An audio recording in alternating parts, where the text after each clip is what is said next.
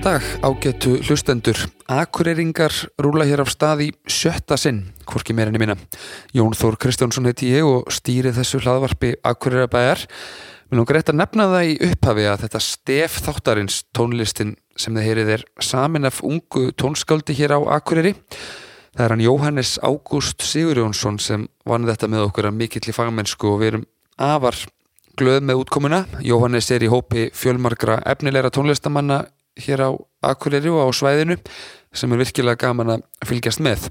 En talandum tónlist, þá hefur viðmælandi minna þessu sinni aldeilis látið til sín taka á því sviði þótt hann hafi kannski vækið enn meira aðtikli fyrir starfsitt sem málari. Gestuminn í dag heitir Snorri Guðvarsson, málaramestari, sem hlautadögunum viðurkenningu húsvendarsjóðs Akureyrar á rafarætni vorkomu Akureyrar stofu sem var haldin á sumadagin fyrsta.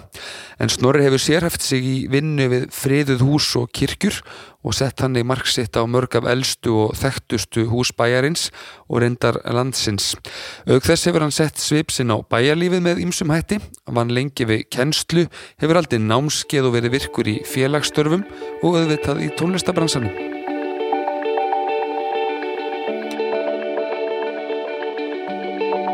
Vertu velkomin Snorri Þakka þér. og til hamingju með viðurkenninguna. Takk, takk. Segir maður eins og við kvikmyndastjórnirnar átturu vonað þessu. Já, maður, ég var búin að býja eftir. Nei, aldrei, aldrei, sko, ég kann ekki að velta svona hlutum fyrir mér. Nei, einmitt, einmitt. En þú fegst þessa viðurkenningu sko fyrir störf þín á sviði húsvendar eins og það var orðað og, og þetta eru velun húsvendar sjóðs Akureyrar eh, sem voru veitt hérna á vorkomu Akureyrarstofu en þetta framlegði til húsvendar sko í, hverju felst það? Hvað er það nákvæmlega sem þú hefur verið að gera? Um, ég hef aðalega verið að, sem sagt, uh, já, vinna náttúrulega við friðuð hús og, og það er kannski, kannski bara rétt, þú ert að sjá garðin, sko, þegar maður segir það. Því að uh, það þarf að pæla í finna, það er yfirleitt alltaf sett í fyrsta lit sem maður var mála, maður þarf að finna fara, bara söguna tilbaka og oft er skilið eftir í húsum á einhverjum stað svona eins og eh, ég tek eitt lit af svo tek ég tvo og þrjá og þú getur skoðað alla litin alveg aftur í bara það upphálega og það kallast síðan á við það sem er málað í kring. Það eru náttúrulega sjálfsögur notur líka þau efni sem að voru tiltæk fyrir löngu síðan línolía, línolía máling og, og eitthvað þannig maður þarf líka að vera svolítið, svolítið heima í bara byggingasögu uh, list í gegnum tíðina og, og litum náttúrulega hvenar, hvenar hvaða litir eru á annar borð komnir fram á sjónasviðið Já. Er þetta þá sko mikið til bara rannsóknar vinna? Þetta er mikil rannsókn að vinna svo er þetta allt saman skráð niður og mikið tekið að myndum fyrir, eftir og jafnvel á leiðinni líka. Og allar þessar upplýsingar eru síðan til í minjastofnun. Þetta ég sagt sendi yfirleitt allt þangað bæði myndir og, og upplýsingar og litanúmer annað því en líkt Þannig að þetta er miklu meira en bara svona já, hefðbundið, við getum sagt sem svo, málarastarf. Já, þetta, þetta á í raun að veru bara ekkert svo mikið skilt við það nema maður þarf að vera málararmeistari á báðum stuðum til að geta reikið fyrirtæki en sko eins og, eins og gifs og eitthvað svoleiðis dagsins í dag ég, ég kann ekkert á það sko. Nei. Svo, ja, já, Ertu bara þá ekkert í svoleiðis? Nei, nei, ég er ekkert, ekkert í svoleiðis og, og ef einhver byrði mig að gera þannig þá bendi ég bara á einhvern annan Já. sem ég líst á. En við erum miklu meira í að sko viðarmála til dæmis eða, eða marmaramála. Nú er ekkit allir sem vita hvað er að, að viðarmála. Það er stundum kallað óðrun. Eh, Það kemur frá dönsku, það er danska orðið óing, A-A-R-I-N-G eða æðalegging en það viðarmálun er í raun og veru segjum bara nú erum konur í kirkju og það uh, sko bekkirnir eru allir bara gulir á litinni eða eitthvað þannig. En þeir voru fyrir kannski hundrað árum þá voru þeir viðarmálar eins og að kallað. Það er sem sagt teiknað og málað á þá tré eða tré líki það við erum ansið mikið að gera eitthvað þannig og, og þá þarf að byrja á að, að grunna alla bekkin og gera við þá og þeir, þá eru þeir bara svona ljóstrappaðir á litinni við leitt einhvern veginn. Síðan þarf að teikna upp allar æðarnar í viðnum sem þú allar að hafa á og þá er gott að flakka á milli bekja, fara kannski framalega öðrum megin og svo alltaf aftar hinn megin og, og svona fram og tilbaka. Mm. þannig að mönstrið svona breytist ekki jamt og þétt í eitthvað allt, allt, allt öðruvísi. Maður þarf alltaf að teikna okkar nýtt og nýtt. Það er, það er kvistur hér en, en hann er ekki á næsta bekk og, og alltaf til nýtt mönstur og þetta teikna bara með olíu málingu eða lasúr og svo borið yfir og, og búið til hliðatri og þetta er þetta er einlega, þú eru bara komin tíma að skoða sína veginn. Þetta hljómar allavega sko, Þetta er mjög flókið, sko. mjög flókið en, en á sama tíma hérna svona mjög spennandi hlýtur að vera fyrir sko mann sem að sekku sér ofni í þetta því að það hlýtur að vera endalausir sko alltaf nýjar og nýjar áskoranir og ekki til eins sko milli kirkna eða, eða staða. Nei, það, þessi, þessi frasi sem að maður heyri svo ofta það eru alla kirkjur eins það eru engar tvær kirkjur eins það, þetta er endalaust breytilegt og, og segjum bara næsta kirkja sem er líka með viðar málaða bekki, það er kannski allt önnur viða tegund, Já. allt það er litir og þarf að kallast á við eitthvað annað svo er kannski marmarasúlur sem að þarf að endur gera marmaramála bara timbursúlur Mm.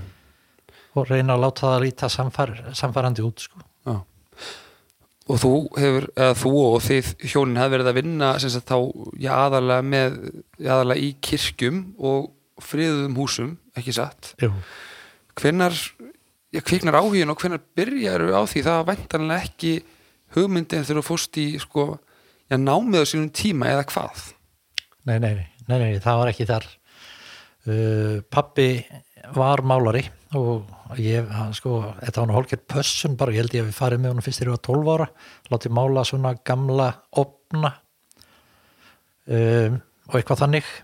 En síðan er þetta eh, sem sagt inn í grundarkirkju sem að sem að þetta friðaða dæmi eiginlega hendist á mig. Þá, þá var ég settur í að gera við inni munstur sem hafði verið semst málað bara rétt um aldamótin 1900 og það er svona það sem er kallað skaphalón málun það er, það er semst að þá þarf maður að byrja því að að ná sér í bara smjörpappir eða eitthvað og teikna munstrið upp þar sem það er heilt og teikna það síðan á, á blað eða svona kartónið eitthvað þannig, eitthvað sem er svolítið stíft skera það út og olju bera blaði þannig að verði endinga betra og mála svo munstrið í gegn í, í réttum litum, blanda litina finna réttu þyktina á málingunni áferðina og þetta er, er sko endalus smáatriði. Og var það þarna sem þú fekst í rauninni áhuga á, á þessu? Já, þarna smittaðist ég. Þarna var minn vírus. Já. og hann er enn. Uh, en þetta hlýtur að krefjast mikið að þólimaði, þessi verkefni. Já, það er, það er alveg rétt, þetta, er, þetta þarf endalösa þólinmaði sko. Kona mín er reyndar sko, ennþá betri í því. Hún, hún, hefur, hún er alveg endalös föndrari. Já. Ég hugsa að ég hef verið þannig hér áður fyrir en það er svona aðeins að rjallast af mér. En maður þarf náttúrulega sko, maður þarf að vera sem sagt málari og maður þarf kannski að vera líka einhvers konar listmálari og heima í listasögunni og svo föndrari. Þetta er, við sjáum þetta oft fyrir okkur eins og uh, gömlu mengin sem maður lærði í barnaskóla sko, sem að svíðanir hægt að nota og hendi okkur Já. að, að ef þú tekna þrjá ringjulætt þegar alla skerast þá verður svona lítið sammeng í miðunni þar erum við Já.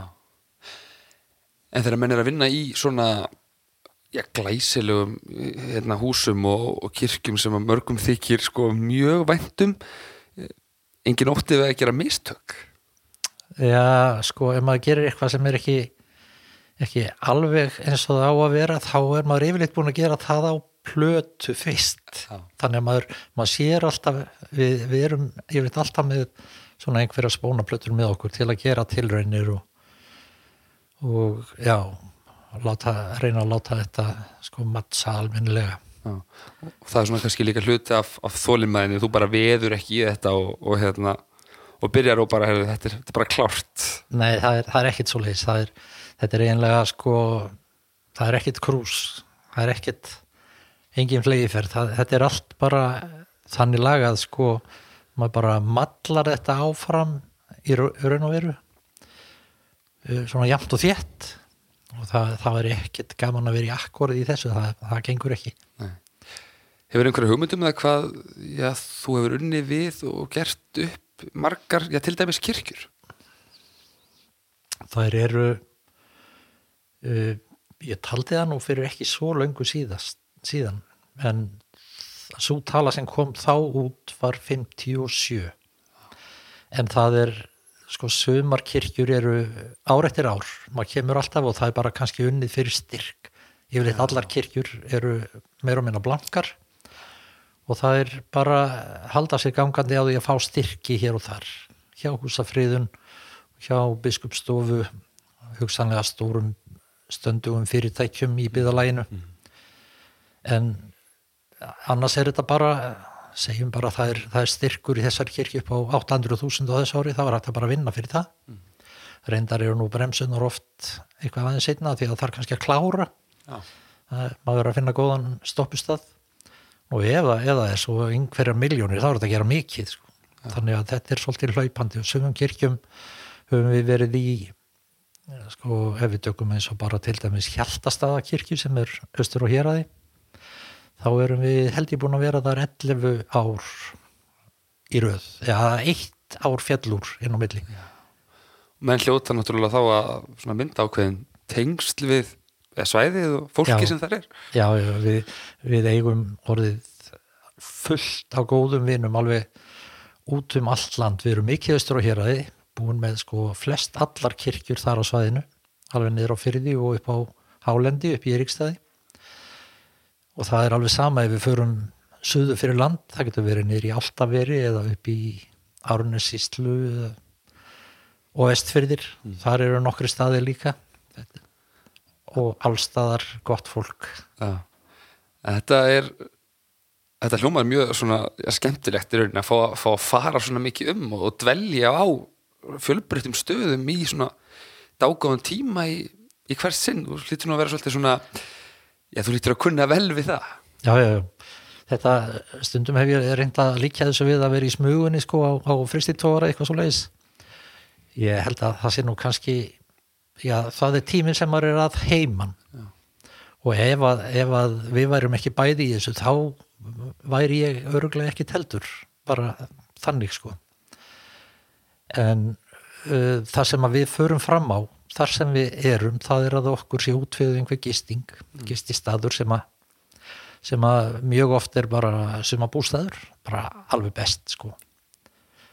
Og ef að það er sétum okkur í hátegismatt þá, þá er toppinu náð sko, þá er allir glæðir þið farið ekki fram á mér nei, nei, nei, nei, það þarf ekki meira sko. Er einhver svona sérstakur staður í já, uppáhaldi hjá okkur eða einhver svona, já, kirkja eða hús sem þið hefur náðu svona sérstakri tengingu við? Ja, það eru allir margar sko. Ná. það er við eigum svo góða vini í öllum þessum flest öllum þessum kirkjum. Við höfum ekki allstaðar kynst fólkinu. Sumstaðar hefur það verið bara við höfum bara fengið þessa gistingu og, og ekki kannski verið svo mikið í sambandi við fólkið. En annar staðar er þetta bara orðið eins og fjölskylda og, og við höfum já við höfum til dæmis farið bara skroppið til London með einn í fjölskyldunni. Já, bara langað að fara saman eitthvað út. Einmitt. Þannig að það er, það er svona allur gangur á því. Já. sumir takk okkur um, um, í rúnd eða á rúndinum 17 og, og kynna okkur svæðið ennþá betur mm. sem, að, sem er æðislegt En við horfum á þetta svona heilt yfir sko, þitt starf, ekki svolítið erfitt kannski að meta mikilvægi eh, starfsins en svona þetta að, að, að standa vörðum í rauninni bara gömul hús, ekki bara kirkjur heldur sko gömul og, og friðuð hús og, og passa þannig upp á að ástandi sér gott og, og var að veita söguna og, og allt þetta. Já, hversu mikilvægt finnst þér þetta og, og finnst þér svona fólk almennt í samfélaginu um, ég sína þessu skilning Það, það sínaði nú ekki allir skilning en, en það kannski breytist tölver þegar menn koma og, og sko, skoða eða fá leiðsögn eða eitthvað, eitthvað þannig. En ég er, ég er tölvert mikill svona friðun og sinni og við höfum unni við mörg merkileg hús sem að eins og til dæmis fríkirkju við 11 í Reykjavík og NASA við tókum þau bæði og, og sko skráðum þau algjörlega áður en að var farið í að endurkera tókum þúsund myndir eða eitthvað, ég veit ekki hvað að greina hvaða marmarategund var þarna og hvaða litir voru í honum. Og NASA var náttúrulega það er búið að rífa það núna en áður en var rífið þá, þá sko fórum við yfir þetta allt saman þar. Fundum það átt að endur gera það eins og gamla flotta sjálfstæðisalinn sem að var uh, minnir að verið 49 eitthvað svo leys sem að þá, þá var þetta talin flottast í veistusalur á landinu og við þurftum að komast talti mörg lög tilbaka til að finna akkurat veggfóður sem var þar og, og fleira. Þá var allir nefnist búið að klæða yfir veggina því að þeir voru svo lélegir og voru súlur inn á við innan á veggjónum.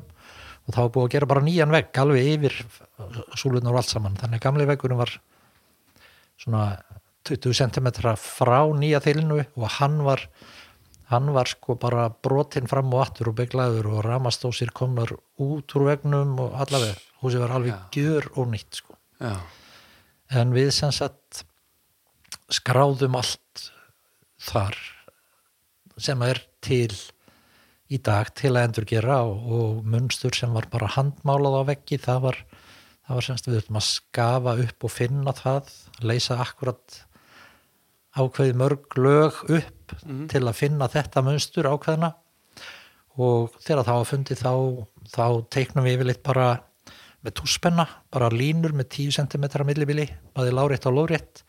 Þannig að þá er komin mælikvarði á þetta.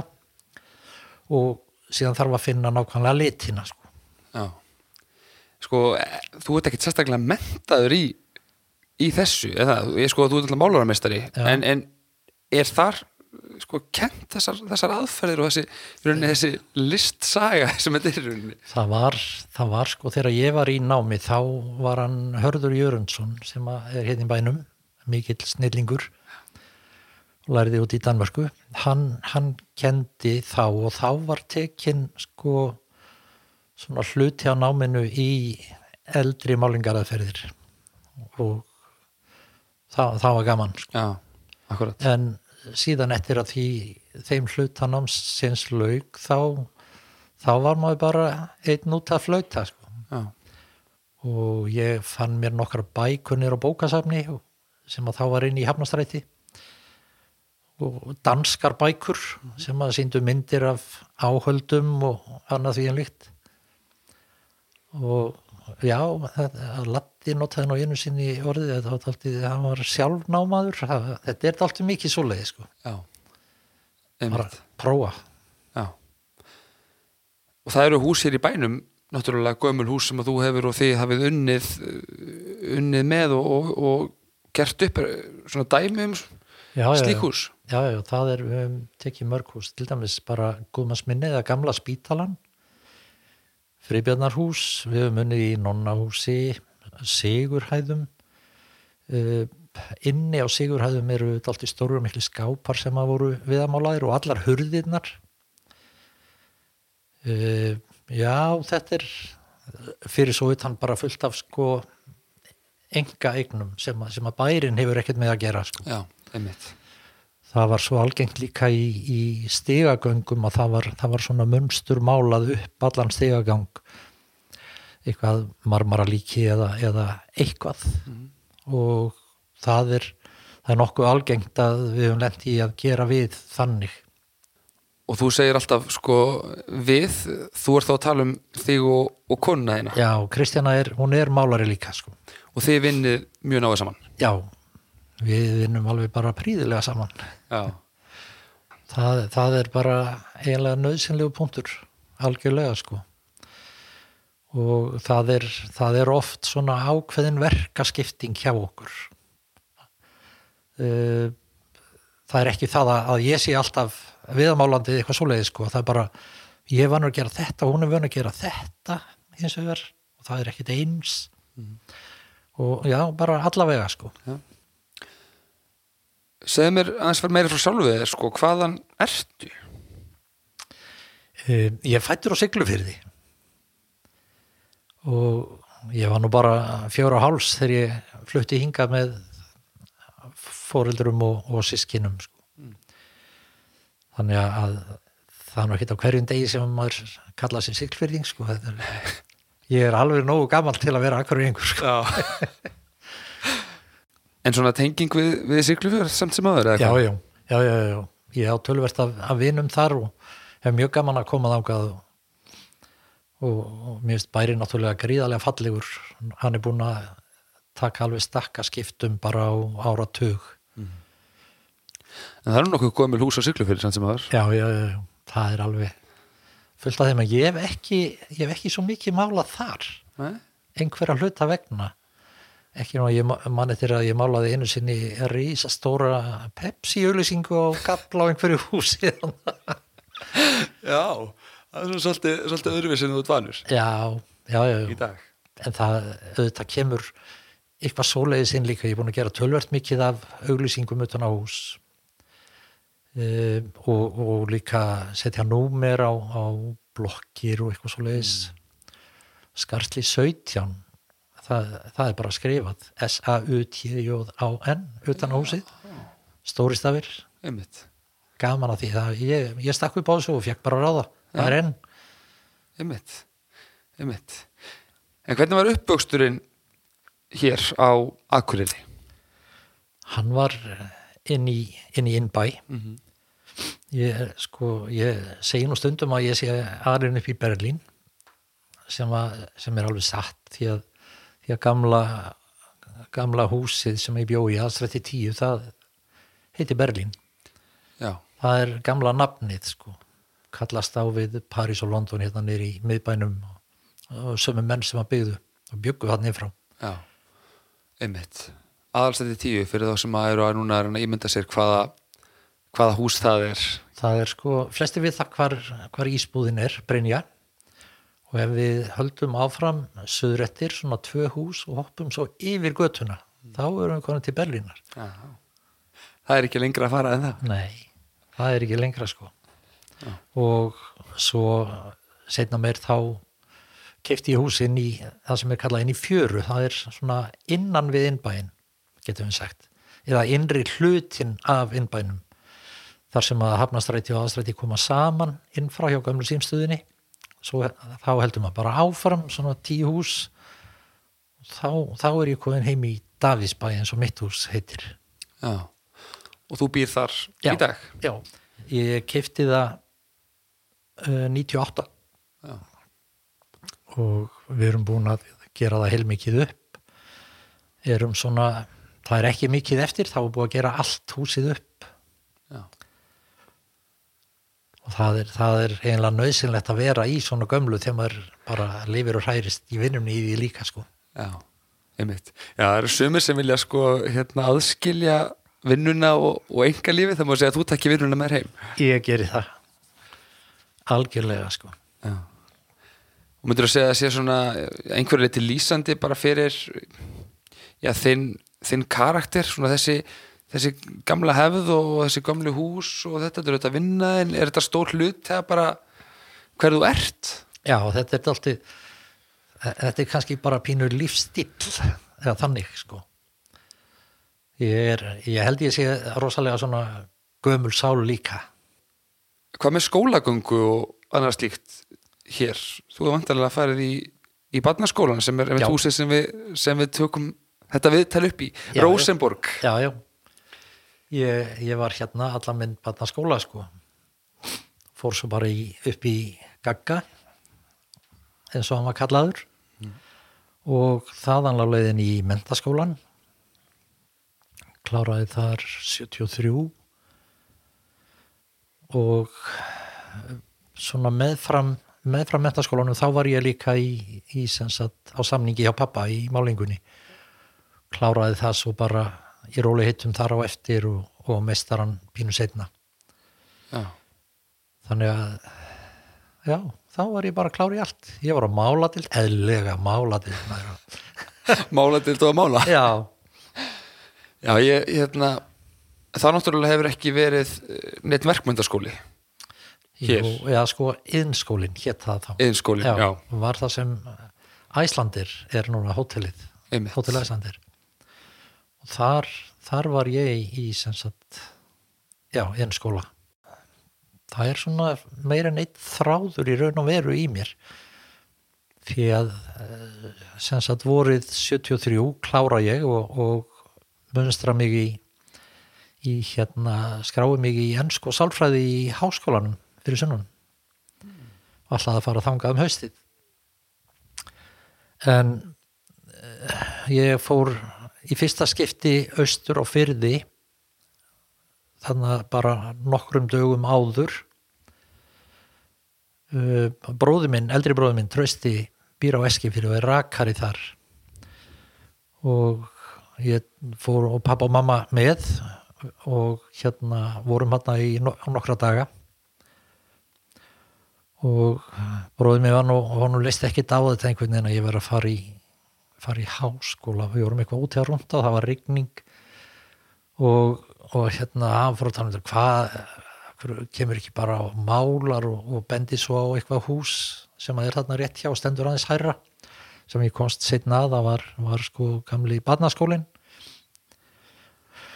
og sagði, sjáðu bara þetta það er nóg að gera hérna. Og, og ég svara einhvern veginn að já, það er alltaf kallt er, er bara inni þá eitthvað svo leiðis og svo bara eftir hátegi þá förum við úr bænum og, og bróðin minn fer bara að halda fram að klippa þetta var förstu dagur kemur ekki skólastjórin í klippingu til hans og hann er eitthvað eðilaður kallinn. Hann heitir enda trösti líka. Já, og var að kvart yfir í að einhver kennari hafði verið að, að hérna bara af bóka, hann ætlaði ekki að koma og skólinn var að byrja á þriðudag Já, ég, ég veit um eitt segir bróð og hérna segir honum frá mér að hérna, ég veit ekki en af hverju í veröldinni honum datt það í hug sko. En uh, síðan bara ég náttúrulega var bara á leiðinni heim. Það er engin, engin sími eða neitt sko. Þannig að hann ringir í mig rétt eftir háti á á hérna lögadeginum skólastjórin og segist hafa verið í klippingi á bróðum mínum og, og rakið fyrir hann raunir sínar og, og hérna hann hefði bent á mig hvort að, hvort að ég verið kannski til í að koma og kenna hjá honum. Og ég, ég bara vissi ekki hvaðan ámist og þeirri sko. Aldrei velt þessu fyrir mér eða neitt og ég var akkurat að fara að spila inn í freyfangi um kvöldið með bara hljónsitt sem heit Gústafus og við vorum að sagt bara ég var bara rétt ófarin út til að fara að róta og koma dótinu inn eftir. Og ég sagði, ringdu mig, á morgun. Ég, ég, hérna, ég verði að fara. Mm. velta vandamálunu frá sér. Ég var mjög erfitt með að segja nei sko.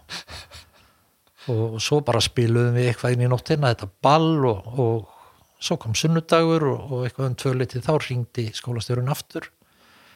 Stuttasagan er bara, ég sagði bara já og ég átti gamlan Ford Taunus þá. Já, já, svolítið gamlan.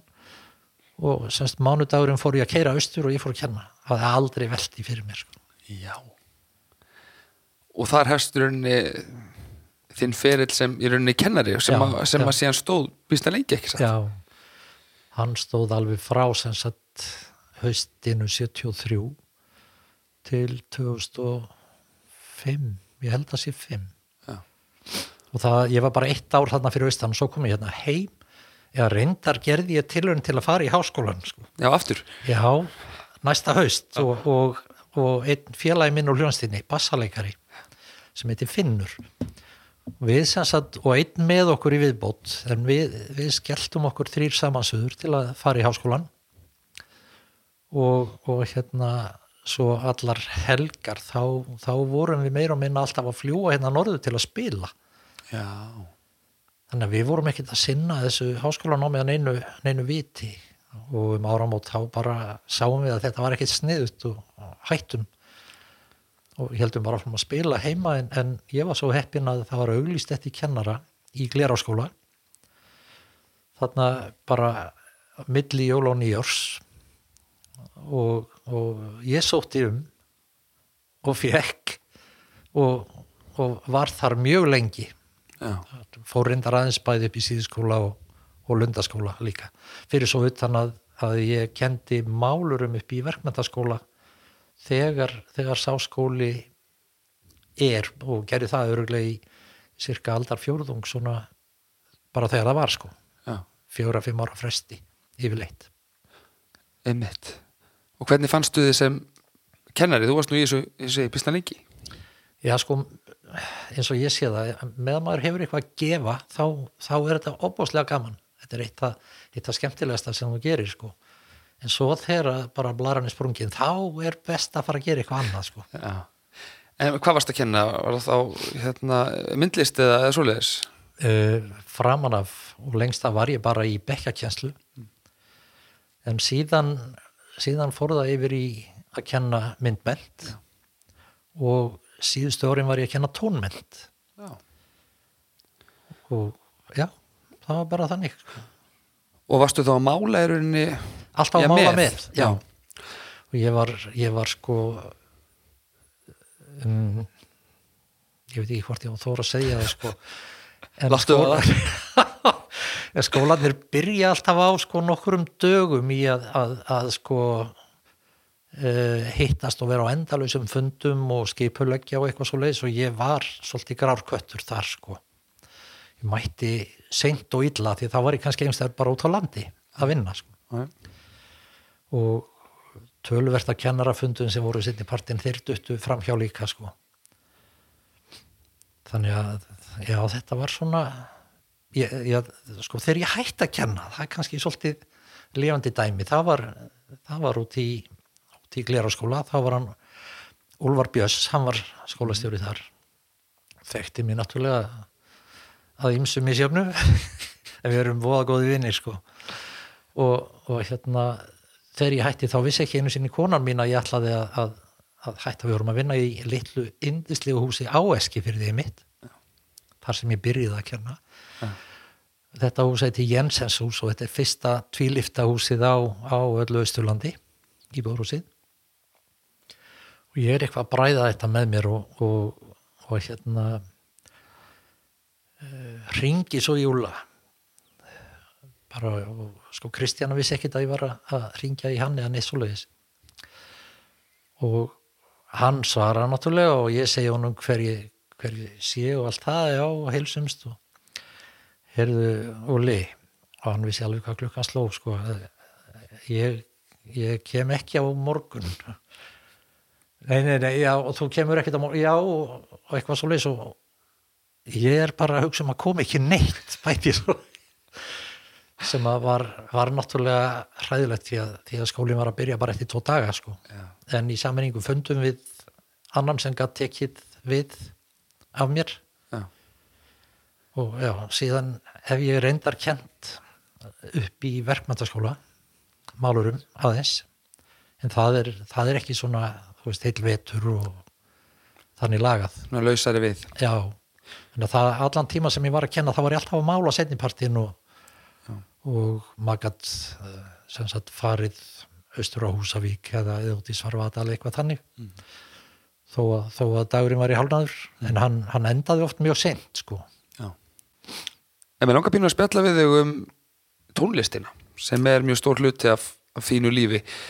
Hvenar svona ég hefst þinn tónlistaferill hann hefst bara, bara mennir í mentaskólanum í raun og veru bara svona undir tvítugt.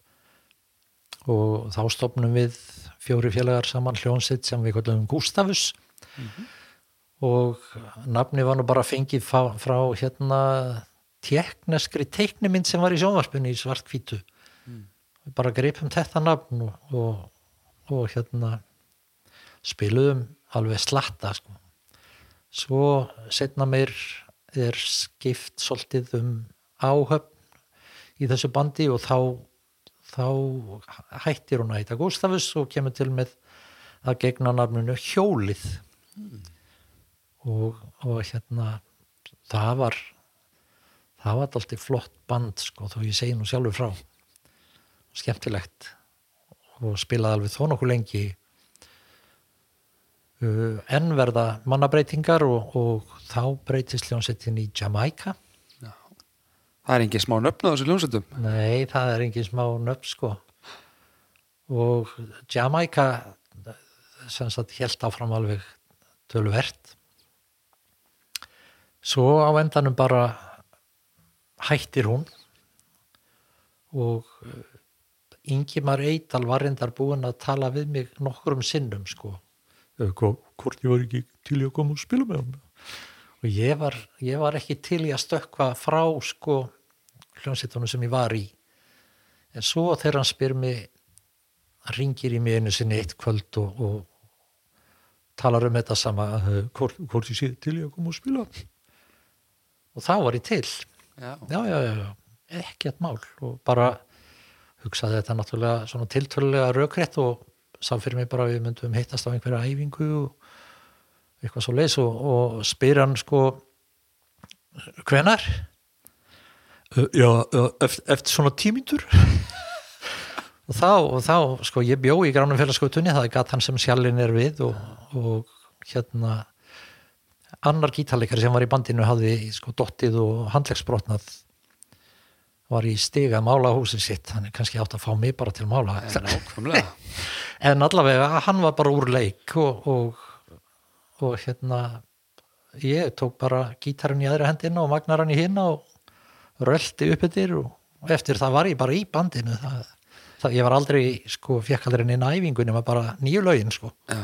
En kunnur þá þessi lög sem að... já, já, ég kunni það eiginlega öll sko það var, það var svona til að byrja með sko, maður vissi ekki einu sinni í hvaða tón tegundlögin voru, maður átti alltaf að fá það sko en það glemdist bara þegar þetta var bara að koma í gang það var æðislega gaman Þú hefur bjargaðir allavega. já, já, já, já. Og voru þetta þessi, hérna, hvaða ár var þetta segiru? þetta er 8-10 og fjögur Já. Og voru þetta þá þessi svona, ég þekktu lögum með hljómsveit Ingimar sem að já, já, og ímest að flestir fleira. Já. á þessum tíma erum við líka að sko eh, taka Eurovision vinningslag það, var, það þótti allt í merkilegt að sko við vorum bara í sjallanum að, að sagt spila dinner og svo var, var Eurovision í gangi og, og við fylgdust með því og, og inn á milli og það kom komu nokkur lög sem okkur þóttu líkleg og við tókum þetta allt saman upp á kastuband sko. Og svo þegar var, var svona kannski komið sirka í ljós hvaða lag myndi hugsanlega vinna þá farið það bara að skrifa niður textan fullt af fólki í mat í salnum og svona og, og svo bara er þetta lag spilað sem vinningslag bara klukkan kannski tíu eða eitthvað svo leiðis og kort er í setna þá erum við mættir að sinna og spilum þetta lag. Og við gerum þetta alveg ár eftir ár sko. Já. og það var bara uppi, var settið í kringum þetta. Eitt skrifaði textan og, og annar var að byggja pljómana og, og svo bara sleið í. Það er gaman.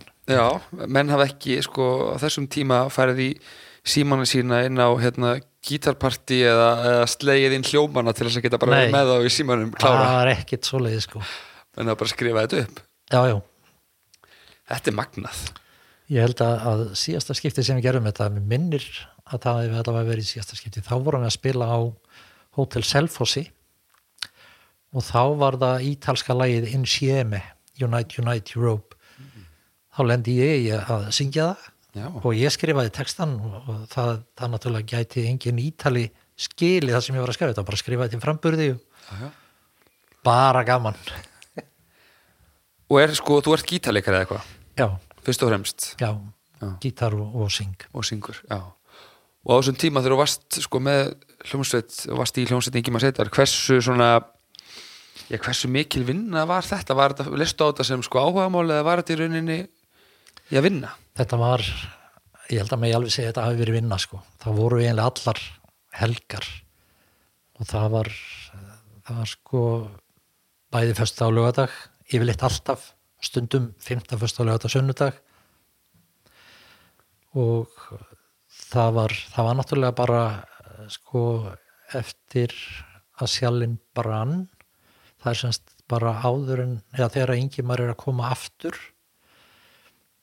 þá hérna þá eignast eða Óli Laufdal sem átti Broadway, hann eignast sjallan á einhverjum tífampunkti og eftir það þá, þá vorum við semst að spila eina helgi í sjallanum svo Broadway, svo eftir í sjallanum og eftir á Broadway og svo breytist það í sjallan og Hotel Ísland þegar það kom. Þannig að, sko það var alltaf að fara í suðu með, með svo kallari kaffivél klukkan þrjú á daginn og svo bara heim með, með morgunvél eða eitthvað svo leiðis á sunnudegi eftir tvö böll Já, þetta hefur verið svolítið svona, svona stjörnu líf og svo bara heim og, og kenna fyrir háttegið og svo að mála og þetta hefur verið svolítið mikið í gangi að þér. já, já, já, það var alveg gríðarlega mikið í gangi.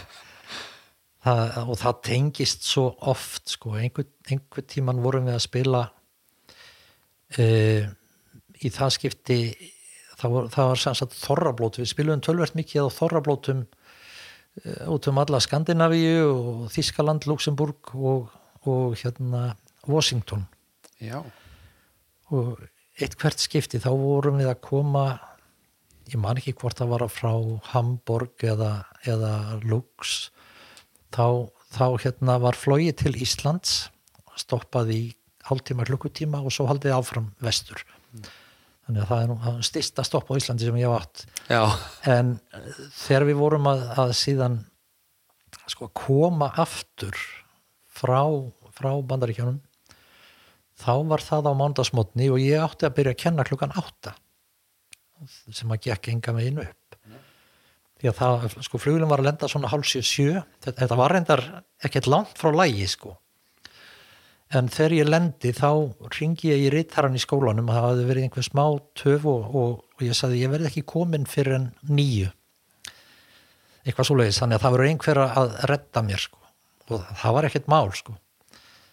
En þarna sko fljúandi frá Ameríku hreppi og, og til Íslands það þú týnir nóttinni þú ert náttúrulega alveg punktiraður og svo skrölda yfir í aðra flugil og fljúa til Akureyrar og, og fara að kenna. Ég fór inn í, inn í, inn í okkar bekk sem var alveg gríðarlega gaman að hitta krakkana alveg, þetta voru þau voru að fara í stafsetningu og á þeim tíma þá var, var algengt svona annars slæði allavega að bara endur í það æfingu úr, úr sko mómálsbók stafsetningar og ég setti þau í það að bara að bara skrifa þessa æfingu og svo laðist ég fram á borðið og sopnaði klukkan var eitthvað rúmlega nýju þegar þetta gerist sko. þau vöktum ekkit fyrir bara um háti hættur sko. Þetta ekki. Indislegi krakkar Já. Þau hafa bara haft það gott að meðmyndala. já, já, já, já. Þau, þau voru að vinna allan tíman sko. Já, það ekki. jú, jú, jú. Já. Þú hefur ekki alveg sagt skili við tónlistina. Þú ert ennþá að spila ekki satt.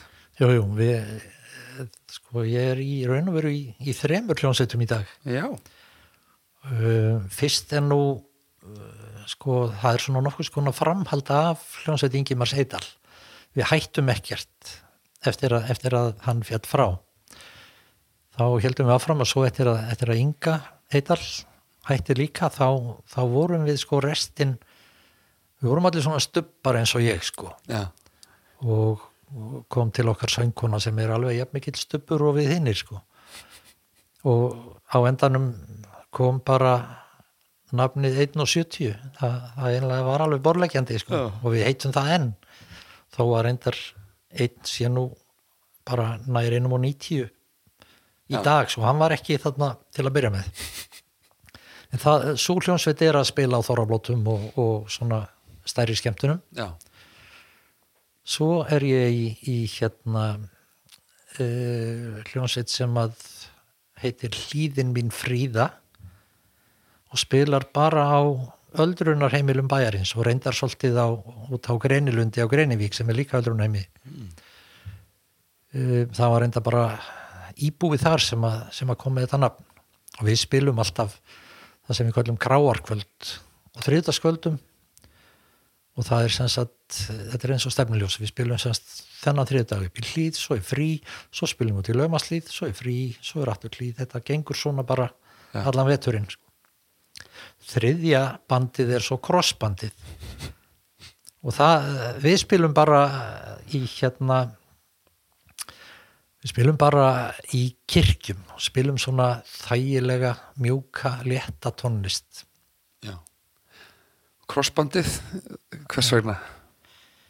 Að ég, ég sleit henni sinni crossband og það, það er bara dætt inn þar sko. Já, einmitt. Og hvernig lög er þetta sem þið eruð að já, eða þú kannt mest við að spila, er þetta svona já, gömul í íslensk lög eða á, þetta á öldrunarheimilunum er það fyrst og fremst það sko. Já, þannig að já, og svo, svo áttu crossbandið sem er í kirkjónum við spilum bara alls konar mjúk, þægileg lög sem að kannski þykja falleg líka. Já, þetta þetta á bara að vera notaleg kvöldstund. Og allir kunna lögin geta syng og syngja með hérna sko. Hvernig tónlist er í mest uppáhaldi á þér?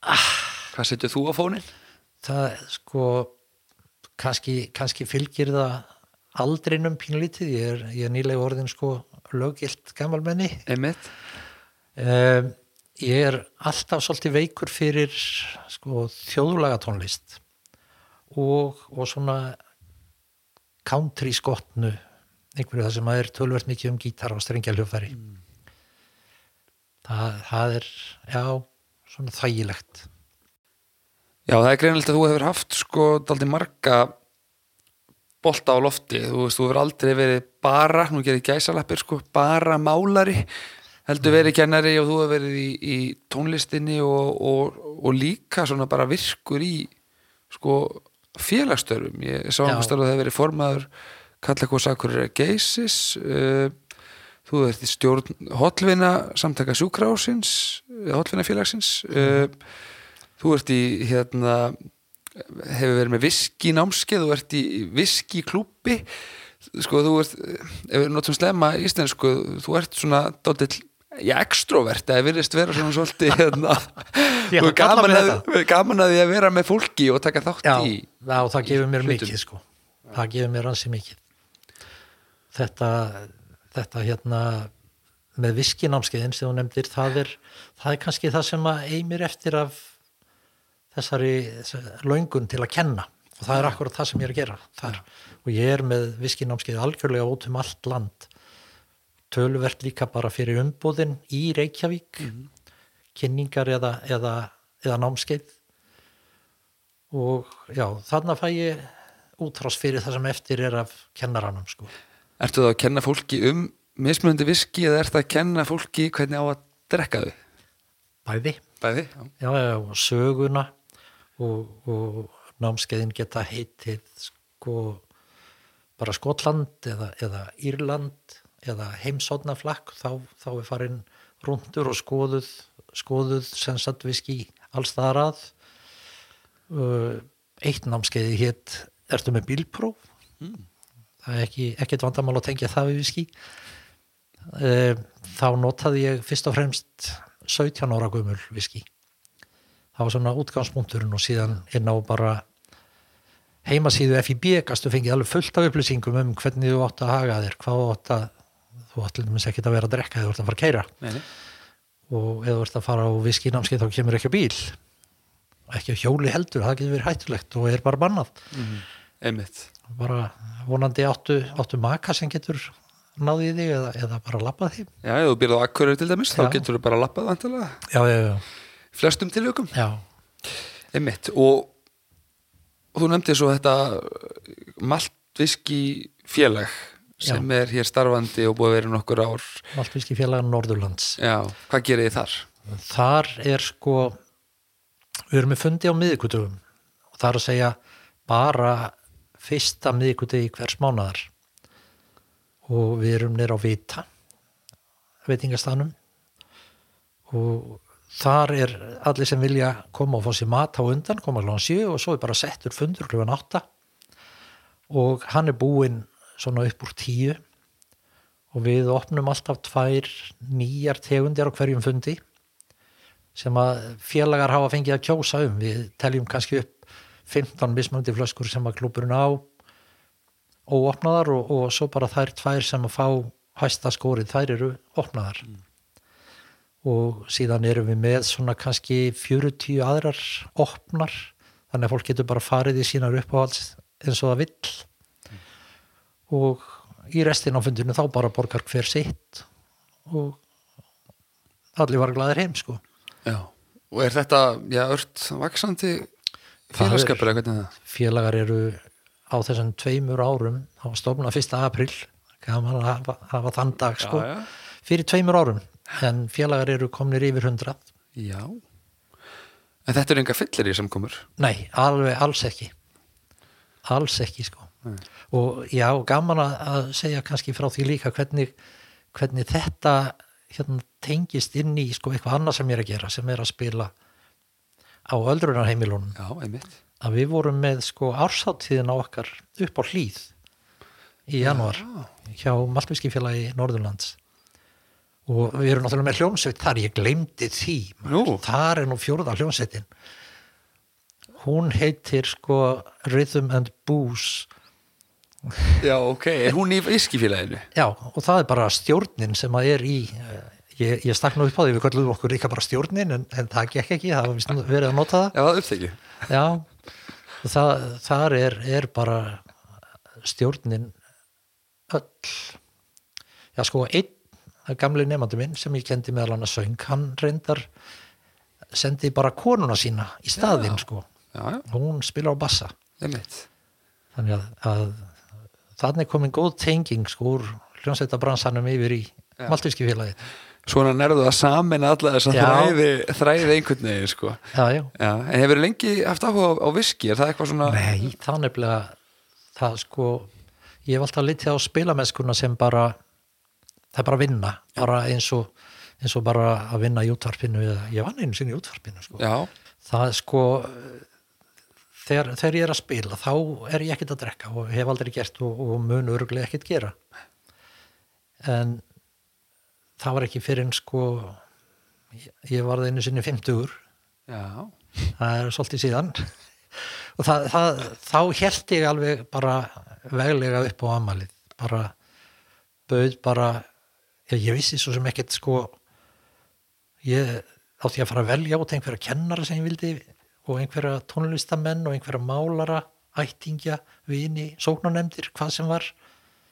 Þannig að ég fór bara einföldustu leiðin og setti bara auglýsingu í dagskrána, bara svona fjórðungur síðu. Að ég ætlaði að halda upp á amalið upp í lóni hús í Kallakórsins og þennan ákveðna dag og allt það. Og svo bara komið þeir sem kom að vilja og hérna þeir, þeir komu alveg pottjett ég var með mat og alls konar. Það einn vinnur minn var á barnum þarna. Og hann kom til mín einhver tíman einhver tíman þarna eftir að matur hófst og sagði mér að hann hefði lappað hringin í húsinu og verið að telja. Og það voru 246 að borða þá. Já. En það, það má ekki láta síslumannun heyra að það hafi verið svona margir að nynni sko. Nei, ég velti reynda fyrir mig sko hvort að síslumæðurinn sjálfur hefði ekki verið í húsinu á þessum tíma. hann var hann, hann var alveg öruglega það sko, hann var í kórnum og ég, þetta er á þeim tíma sko. Er Það ekki, það er ekki Bjö- Björn Jósef. Jú. Já, það sko ég fekk, ég fekk alltaf mikið af alls konar víni alltaf mikið af viski og svolítið konjak líka þetta, ég hafði aldrei drukkin eitt svoleiði sko og þetta fór bara upp í skáp og, og var þar alveg eh, bara tvö ár, tvö, þrjú ár, eitthvað svoleiðis. Uh, meir og minna afskipta löst sko, ég hafði engan, einhvern veginn engan áhuga á þessu, þanniglega sko. En svo uh, fór ég einhvern veginn að skoða þetta og þá voru það voru það sko þessi skrýtnu nöfn á viskiflöskunum sem fóru að, að tósa sko Lafroig, Lagavulin og Ochentosjan og eitthvað svona. Hvað, hvað er þetta og hvað í veröldunni er þetta? Ég hef alltaf haft mikið náhuga á sko sögu og landafræði. Ég alveg sko, ég fæ nýjum þegar ég sé flott kort til dæmi sko. Þannig er áhuga maður alltaf mikið sko. Og það, það er í raun og veru sagan og landafræðin sem draga mig síðan inn í þetta sko. Mm. ég, ég fór í raun og veru kannski inn um kjallaradeinnar sko, fyrsta viski sem ég smakkaði þarna var einmitt Lafroig sem er sko reykt alveg til Húsavíkur. Það er, það er mjög reykt. Og, og já það var bara æðislegt. Já. og þar með, þar með bara opnuðust sko flóðgáttinnar ekki kannski í drikkjunni en að, að lesa og læra. Mm. og ég var mjög fljótlega farin að halda námskeið sko Já, ok, bara svona nýlega farin að drekka viski. Já, já, já, ég var alveg grætni í því, sko. Já. En þú hefur kannski svona haft strax meiri áhuga á sögunni og, og svona eiginleikonum og því öllu saman frekar en endilega því að drekka svo mikið þessu sjálfur. Já, nákvæmlega. Já. Það er svona þessi, þú er gerðin alltaf svona fróðlegsfús og hefur, hefur gaman að því að Já, ég... Grúska. Ég er rosalega gaman að grúska, sko. já. Uh, hefur alltaf búið á þá akkurir í rauninni fyrir utan þetta þá, já, eitt ár fyrir austan og svo svona bara stittir í dvalir hér og þar. Já, alltaf verið hérna á akkurir það er það er einhvern veginn bara líður alltaf langt best hérna sko. Og helst inn í innbæ sko. Já. Hvað er það við já, akkurir og við innbæn sem þið veist svona kannski best? Um, fyrir mér er bærin bara hann er akkurat af réttri stærð það er í raun og veru allt hérna sem þart ef, ef, þið, ef þið vantar eitthvað sem er ekki hér þá bara pantar það frá Kína eða eitthvað sko. mm. það, það væri ekkit, ekkit betra að vera í Reykjavík alls ekki fyrir mig eða okkur mm. líður bara mjög vel hérna og, og við tölum stundum um það líka að eins og í sambandi við okkar að starf málinguna við gætum alveg búið á á einhverjum stað sem okkur líkar mjög vel við eins og bara eigilstöðum eða vopnafyrði eða borgarnesi eða eitthvað það, er, það skiptir einhver máli það, það verður bara stittir á sumastæðina og lengra á aðra sko. og þið hafið þetta farið mjög víða þú, svona, þú veist svona kannski nokkurt megin að hverju þú gengur Já. á mörgum öðrum stöðum en þið hefði ekki ákveðið að ganga svo langt að flytja eitthvað annað Nei, við erum að erum bara að gera húsið virkilega sko gamalt og flott. Það er, húsið er frá 1877, það er, það er friðað og allt það sko og við erum að, við erum rétt búin að gera upp stofuna eins og hún var 1877. Wow. Þannig að þeirra... Hvað fælst í því? Það er, það er svona, það sem er kallað spjaldþil á næri hlutanum listar og, og fullningar á milli og svo brjóstlisti yfir. Þetta er, þetta er allt saman þarna sko. Þannig að þegar þú kemur til að, til að prófa viski þá, þá sér við hvernig þetta lítur sko. Já, hlakka mikið til. Gott. Uh, Og gríðarlega mikilvægt vendanlega að viðhalda sko ja, þessari ja, bæjarmynd og, og þessum húsum sem þarna eru og þitt svona sér svið uh, Hvernig finnst þér staðan vera í, í innbænum varandi það? Hún er, hún er bara fín sko, það er eins og þessi tvö hús fyrir norðan mig, þeir eru búin að gera sín hús upp, gera þau rosalega flott.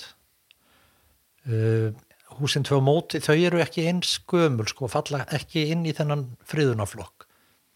En svo er bara línan alveg sama hvort þú ferð út eittir eða, eða áfram inn alveg inn undir skautahöll. Þetta er ástandið bara frábært. Er, það er allir svo meðvitaðir um að, að við búum í rótgrónu gömlu, eldgömlu hverfi og, og það vilja allir hafa húsið sitt fallegt sko, meir og minna.